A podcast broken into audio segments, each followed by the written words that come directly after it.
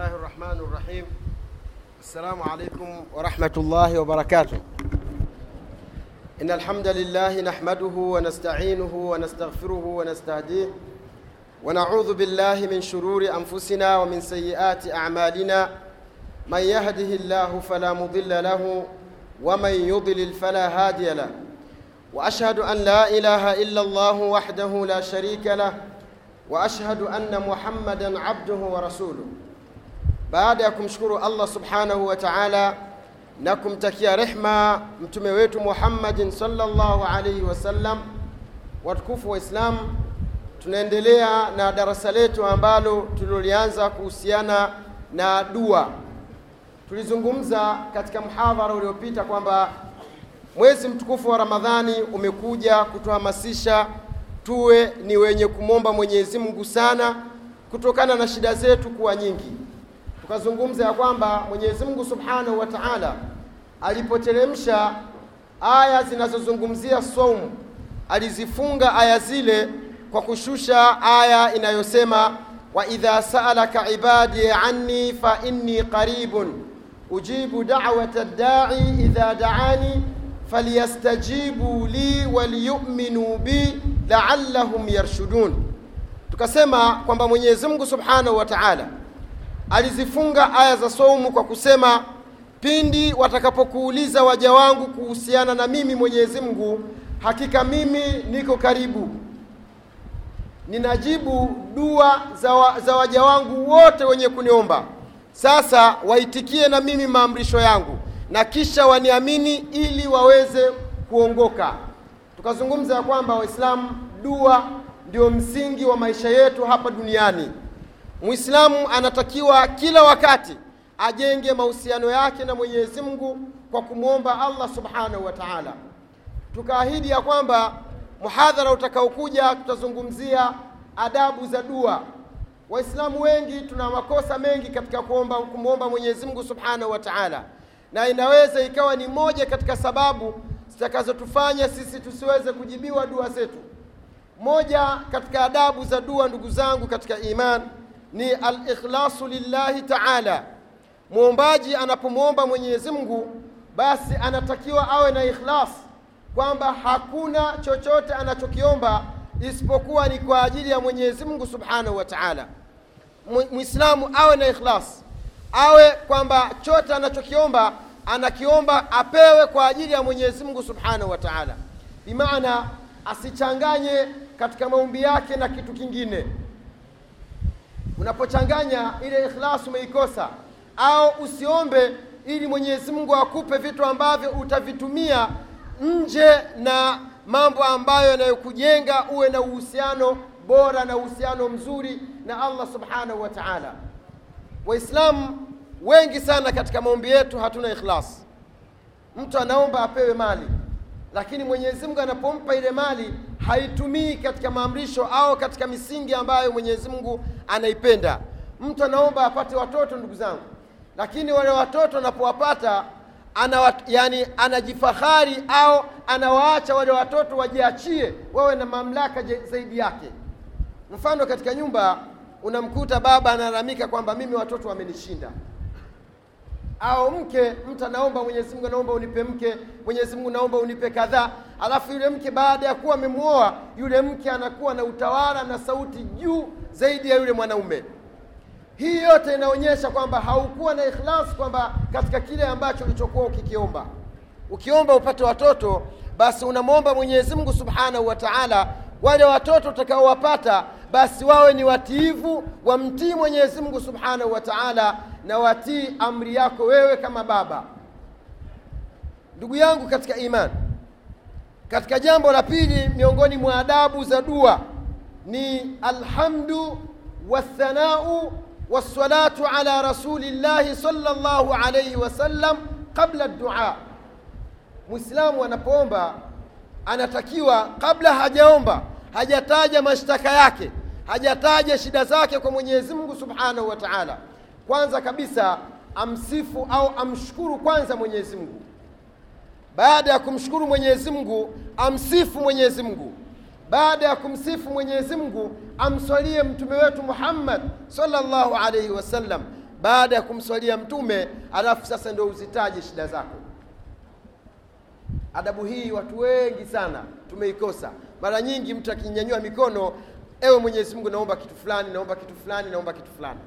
Lakini anasahau zile adabu za dua.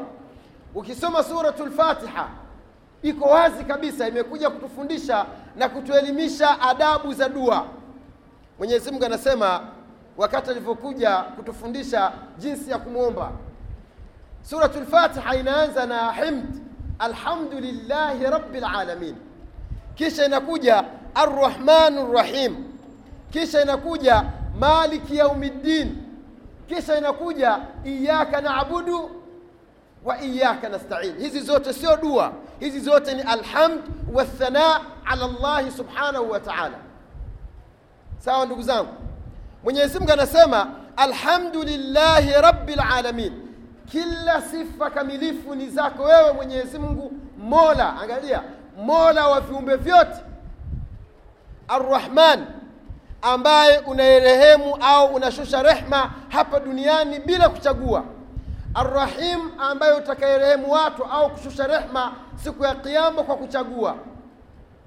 Maliki yaumiddin unamsifu una mwenyezi mungu. Mfalme wa siku ya kiama siku ya malipo.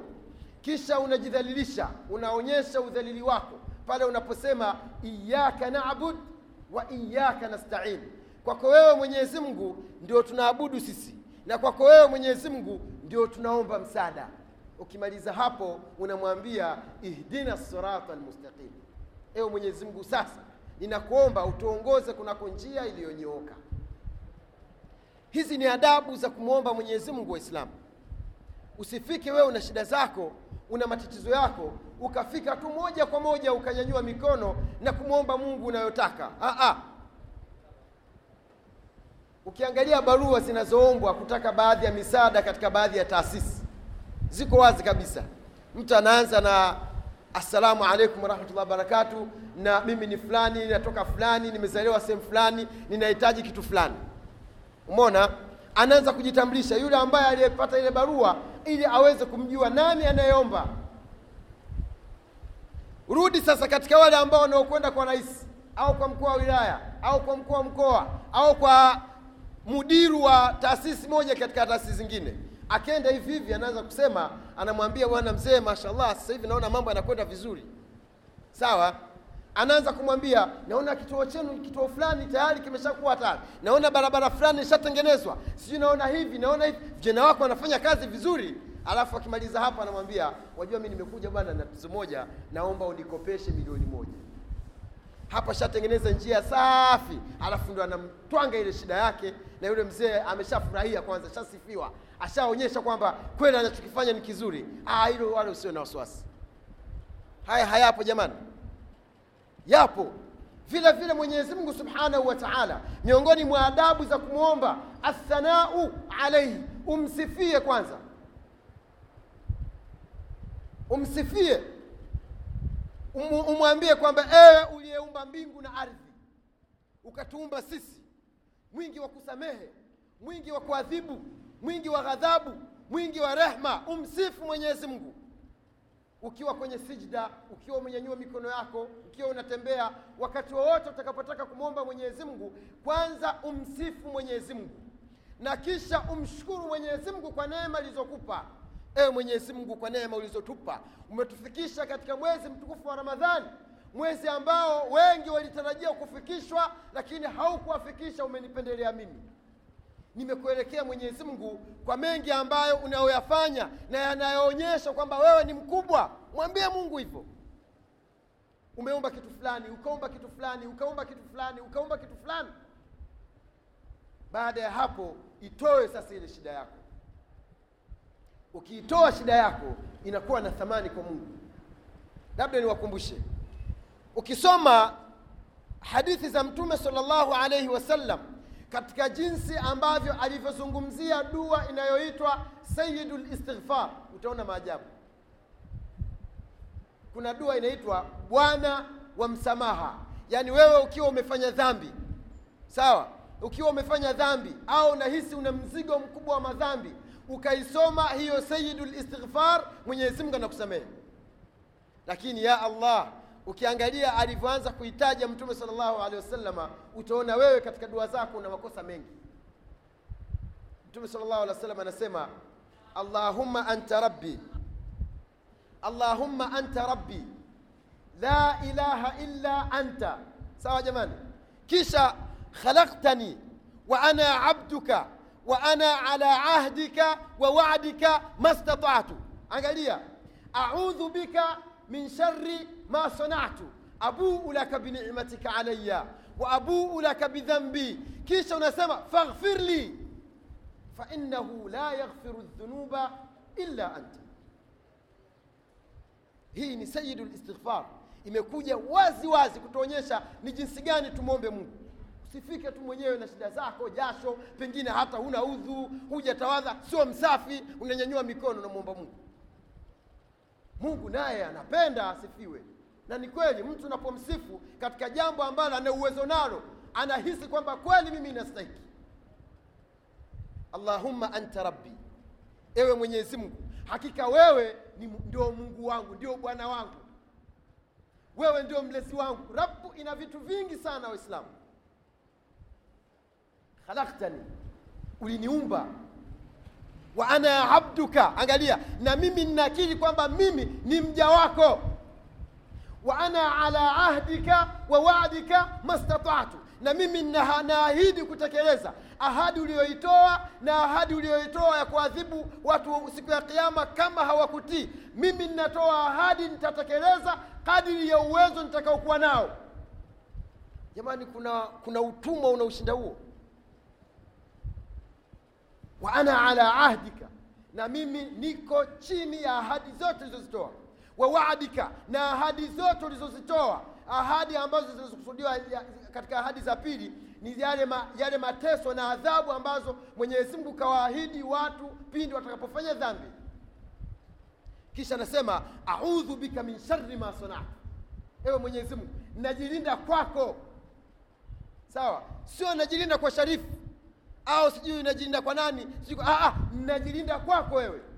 Min sharri ma sanatu kutokana na shari na mambo mabaya machafu niliyoyafanya. Ndugu zangu katika imani mwenyezi mungu anataka asifiwe kwanza. Msifu mwenyezi mungu. Muhimidi mwenyezi mungu. Mswalie mtume salllahu alaihi wasallam. Kwa sababu mtume ndio kipenzi bora cha mwenyezi mungu subhanahu wa taala. Mungu anasema inna allaha wa malaikatahu yusalluna ala nabi. Ya ayuha alladhina amanu sallu alaihi wasallimu taslima. Mwenyezi mungu anasema hakika mwenyezi mungu anashusha rehma kwa mtume saa wasallam na malaika wanamtakia rehma mtume salllahu alehi wasallam kwamba mwenyezi mungu amshushie. Ya ayuha ladhina amanu enyi watu mlioamini sallu alaihi wasallimu taslima. Sasa mswalieni mtume ikiwa ni amri imetoka kwa mwenyezi mungu kwetu sisi tumswalie mtume basi wakati wa dua unatakiwa ujikurubishe kwa mwenyezi mungu kwa kumtakia rahma mtume sallallahu alehi wasallam. Kisha umwombe mungu. Jamani hizi ni adabu za dua. Adabu, dua nyingi za kwetu hazikubaliwi. Mtu anaomba miaka na miaka lakini dua inapanda inarudi. Inapanda inarudi. Tuna makosa mengi tunayoyafanya waislamu na hili jambo hili la dua mimi nimelipanga makusudi kwa sababu tuko katika mwezi mtukufu wa ramadhani mwezi wa dua. Mwenyezi mungu aya za saumu alipozileta akafaradhisha saumu mwisho alituamrisha tumwombe sasa tutamwomba vipi waislamu? Miongoni mwa adabu za dua alhazmu alazmu fi dua ni mtu kuazimia katika dua. Usilete mchezo katika dua. Kuna mtu anaomba mungu anacheka. Rabbana atina dunya anamwangalia wa fil akhirati hasana. Analeta mzaha. Hayuko serious katika kile kitu. Hili nalo ni tatizo ni kikwazo waislamu unapomwomba mwenyezi mungu tia azima kwamba unamwomba mungu. Mtume sallallahu alaihi wasallam anasema hafanyi mtu dhambi akatawadha vizuri. Angalia maandalizi akatawadha vizuri akatengeneza vizuri udhu wake. Akaja akaswali rakaa mbili. Baada ya rakaa mbili akamwomba mwenyezi mungu isipokuwa anampa anachotaka. Kama amefanya madhambi mwenyezi mungu anamsamehe madhambi yake. Haya mimi na wewe tutafanya hizo hatua. Lini ukamwomba mungu umetawadha na udhu wako safi? Kuna watu wanamwomba mungu nguo nguo zina najisi kuna mtu anamwomba mungu sehemu alipo haizistahiki. Kuna mtu anamwomba mungu wala hata swala hajui.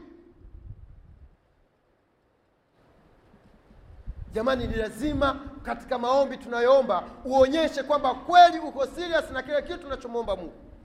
Kama unamwomba mwenyezi mungu basi umwombe kweli. Angalia mtume salllahu alaihi wasallam anasema mwislamu anapokuwa katika tahiyatu akamswalia mtume baada ya kumswalia mtume akasema hivi allahumma inni audhu bika min adhabi lnar wa adhabi lqabri wa min fitnati lmahya wa min fitnati lmamat wa min fitnati lmasihi dajjal Aka- aka- akaomba hifadhi kwa mwenyezi mungu na mambo manne. Kisha akasema hivi allahumma inni asaluka ljannata wa astajiru bika min annar ewe mwenyezi mungu hakika mimi ninakuomba pepo na naomba unikinge wewe na moto. Basi moto unamwombea mungu yule mtu kwamba ewe mwenyezi mungu mkinge mje huyu na moto. Na, na pepo inasema ewe mwenyezi mungu mwingize mje huyu peponi. Angalia sio baada ya swala ndani ya swala kuonyesha kwamba ndani ya swala ni sehemu ambayo wewe unatakiwa umalize mambo yote. Sawa jamani ndani ya swala unatakiwa umalize mambo yote na hasa kama unaswali peke yako ukiwa katika sijda maliza kila kitu pale. Kuna watu walikuwa wanasujudu katika watu wema mtu anasujudu watu wanajua yule ashakufa. Lakini sisi twasujudu tukisujudu asikia watu wanapiga kelele goli! Hapo hapo ananyuka. Hata tahiyatu amalizi. Salamu anatoa mbio anakimbia kwenye tv kuna watu na ni usiku jamani manake mchana ni nyakati za riski kuna mtu ni usiku hana hata sijida moja. Mwenyezi mungu anashuka kila siku. Anaposhuka miongoni mwa vitu anavyovisema angalieni jamani ukubwa wa dua. Miongoni mwa vitu anavyovisema anasema jamani kuna yoyote mwenye shida nimsaidie? Alafu sisi tumelala. Mungu anasema yupi mwenye matatizo? Aniombe mimi nimpe kila siku mwenyezi mungu subhanahu wa taala. Kwa hiyo tuwe na azma tukusudie katika dua usilete mchezo. Dua ni kitu kikubwa sana na ndio kinachoangalia kuna watu wameneemeka kutokana na dua. Ukisoma suratul baqara na neema zilizoko katika nchi za khaliji zote ni matunda ya dua ya nabii ibrahim alayhi salam. dua ime- ime- imefanya mambo makubwa katika historia. Nabii nuh baada ya watu kumkera na kumuudhi aliomba kitu kimoja tu akamwambia akamwambia mwenyezi mungu inni maghlubun fantasir. Basi ewe mwenyezi mungu mimi sasa nimeshindwa naomba nusura kwako. Mungu akapasua mbingu akapasua ardhi watu wakaangamia. Dua peke yake maneno mamoja tu ndugu zangu. Sasa tukiwa mwezi mtukufu wa ramadhani na tumefunga nafasi hii usiipoteze ndugu yangu. Wallah usijione kwamba wewe ni kamili. Wewe ni dhaifu dhaifu. Yaani katika madhaifu wewe na pamoja. Ama hatujui kama sisi ni madhaifu angalia mbu kitanda chako umepanga nini? Kitanda chako unapolala wewe wam- wamkimbia mbu tu. Ume, umenunua dawa ya mbu ukanunua neti sijui umefunga mlango ukanunua nyavu kubwa nyavu ndogo yote hayo unakimbia mbu tu. Kwamba wewe ni dhalili. Sisi tunayemhitaji tunamhitaji mungu. Mungu atupe mungu akupi mpaka umwombe. Jamani tumwombeni mwenyezi mungu mwezi mtukufu wa ramadhani ni neema ni fursa yaani huruma ya mwezi mtukufu wa ramadhani huruma ya mwenyezi mungu katika mwezi mtukufu wa ramadhani ni kubwa. Sasa tusimchezee sheri mwenyezi mungu katika maombi. Miongoni mwa adabu ya mwisho ambayo tunataka tumalizie leo insha allah alilhahu fi dua. Kukariri kariri sana katika dua. Umemwomba mungu ufaulu mtihani ukafeli. Usiseme kwa ah, nimemwomba mungu sasa nimefeli sasa nimeomba nini? Bora hata ningeviacha.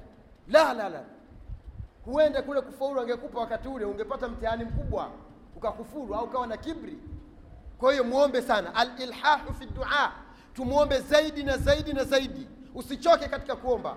Mwenyezi mungu naomba pepo. Mwenyezi mungu naomba unikinge na moto. Mwenyezi mungu naomba mali. Tena ukimwomba mungu mali usiombe kijihaisi mimi nataka cg tu basi ah, ah. muombe mungu akupe mema katika dunia. Mema mazuri akupe. Muombe mungu akupe vitu vingi vitu vikubwa. Mungu ni tajiri jamani. Angalia katika hadithul Quds, mungu anasema enyi waja wangu laiti mngejikusanya kuanzia kwa adam alayhi salam mpaka mtu wa mwisho atakayekufa katika ummati muhammad sallallahu alayhi wasallam halafu mkaniomba. Watu wamejikusanya uwanjani. Alafu mkaniomba nikampa kila mmoja kile alichokuwa anakitaka. angalia mungu huyo asema kusingepungua katika ufalme wangu ni sawa na mtu kuchukua sindano ile akaichovya baharini alafu akatoa yale maji yanayobaki kwenye sindano. Ya allah. Wanachuoni wanasema yale maji yanayobaki kwenye sindano au yale maji yanayopungua kwa kuingizwa sindano na kutolewa. Usicheze na mungu bwana. Usimwombe siji usimwombe baskeli mungu mwombe vitu vikubwa lakini katika vitu vikubwa ni dua aliyotufundisha mtume saa salam rabbana atina fi dunya hasana wa fi lakhirati hasanatan wa qina adhaba nnar hiyo ni katika jawamiu lkalim aliyotufundisha mtume sallallahu llahu alaihi wasallam kwa hiyo watukufu waislam darasa letu la dua litaendelea. Kulingana na mida ni mida ya riski na mida ya kutafuta insha allah tutaishia hapa katika kipengele cha alilhahu al fi dua miongoni mwa adabu za dua lakini tumepanga tuzungumzie katika mada hii vitu vingi. Ikiwemo vinavyomziwia mtu asijibiwe na vikiwemo sehemu nyeti ambazo zinatakiwa mwislamu hapo ndio ajipinde zaidi asilete mchezo katika dua. Zipo sehemu maalum tutazizungumza pia. Kwa hiyo mimi nadhani kwamba tutakuwa pamoja inshallah. Na mimi naomba kama anachukua muda mwingi mtu anaambia ustadhi bwana muda ule unajua ni mwingi darasa tunasahau. Basi mimi niko tayari hata dakika moja bora kwamba kile kinachozungumzwa kifahamike na kifanyiwe kazi.